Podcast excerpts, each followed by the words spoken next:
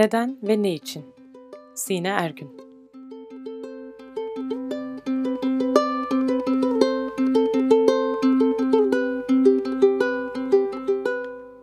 Bahçede oturmuş yemeğin hazır olmasını bekliyordum. Güneş yavaş yavaş ağaçların yapraklarına izler bırakarak batıyordu. Üç katlı bir evde kalıyorduk. Küçük bir kasabaydı. Şarap ve uyku olmasa zaman geçmek bilmiyordu. Kapı çaldı. Ardından sesini duydum. Neşeli, canlı. Sonra nedenini bilmediğim bir şeye canla başla gülmeye başladı.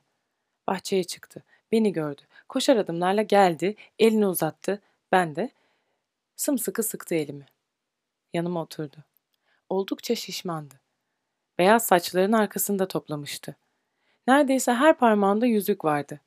Hoşbeşe girmeden sen de ressamsın demek, dedi. Pek sayılmaz dedim. Ben ressamım. Dört yıl önce başladım dedi. Düşünsene bu yaştan sonra. Gülümsedim. Sence kaç yaşındayım diye sordu. Bilmem dedim. Hadi tahmin et. Kırk? Güldü. Herkes öyle diyor. 53 yaşındayım. İnanabiliyor musun? İnanabiliyordum. Şaşkın bir surat ifadesi takındım. Öyle mi? Hiç göstermiyorsunuz. Çantasını iştahla karıştırdı. Tütünle kağıt çıkardı. Kağıdı parmaklarının üstüne koydu. İçine tütün, fazlası üstüne döküldü. İşi bittiğinde tütünler kağıdın iki yanından fırlıyordu. Sarma içilemeyecek denli gevşekti. Yaktı, üstünü silkti. Sonra dikkatle bana baktı. Çok gençsin sen. Kaç yaşındasın? diye sordu. 28 dedim. Gözleri açıldı. 28 çok önemli bir yaş. Yeni kararlar aldığın, bambaşka bir hayata başladığın, neredeyse başka birine dönüştüğün yaş. 7 yılda bir kabuk değiştiririz. Yeni bir hayata yeni bir insan olarak başlarız. Yaşının değerini bil. Alacağın kararlar çok önemli şimdi, dedi. Heyecanla elindeki sigarayı kül tablasına silkti. Sonra çakralardan ve daha başka şeylerden söz etti. Coşkusuna kapıldım. Söyledikleri iyi şeyler olmalı diye düşündüm. Doğrusu neden söz ettiğine dair fikrim yoktu. Bak dedi. 53 yaşındayım. Küçük bir kasabada doğdum ama bütün hayatım büyük kentlerde geçti. Tam senin yaşındayken evlendim. Tam da kendime başka yol çizebilecekken. Otuzumda ilk çocuğumu doğurdum. Otuz ikimde ikincisini. Çok çalıştım.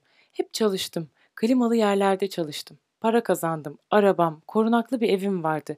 Çocuklarım iyi okullarda okudu. Sonra bir gün, bundan dört yıl önce, uyandım ve ben bu hayatı istemiyorum dedim. Bir anda uyandım ve o hayatı istemediğimi fark ettim. Bu hayatı istemiyorum dedim. Coşkuyla söyledi bunu. Tekrarladı. Sigarasının külü düşmek üzereydi. Kaygıyla izliyordum. Bu hayatı istemiyorum. O güne dek kocamla mutlu olduğumu sanıyordum ama değildim. O hayatı istemiyordum ve buna kocam da dahildi. Çocuklarım yeterince büyümüştü. Zaten taşınıp gitmişlerdi. Boşandım. Buraya, annemin yanına yerleştim. Hayatımın en mutlu günlerini yaşıyorum şimdi. Kollarını açıp arkasına yaslandı. Kül mindere düştü. Silkmek için bastırılmaz bir istek duyuyordum. Resim yapmaya başladım, dedi. Düşünsene bu yaştan sonra. O an bütün açıklığıyla gördüm. Bir an gelecekti. Hayatın bir zamanı gelecekti. Orta ile sonu arasında. O ana dek ne yapmış olursan ol, ne yaparsan yap. Bütün geçmişinden pişman olduğun gün öyle ya da böyle gelecekti. İşte o gün geldiğinde bu anı anımsamalıyım diye düşündüm. Annemin yanına taşınamazdım o yaştan sonra. Kızlarıma da hep söylüyorum dedi. Bak iyi dinle. Ben bunu çok geç fark ettim. Kendine hep şunu sor. Neden ve ne için? Çok önemli bu dedi. Bu önemli, çok önemli. Bir şeye karar verirken hep sor kendine bu soruyu. Neden ve ne için? Herkes yapıyor diye nedensiz bir şey yapma. Zamanı geldiğinde o yol dönümlerini kaçırma. Ben çok geç fark ettim bunu.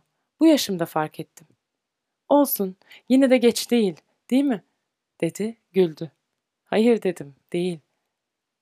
Şimdi bu kasabada nefes aldığımı hissediyorum. Hayatımda ilk kez nefes aldığımı hissediyorum.''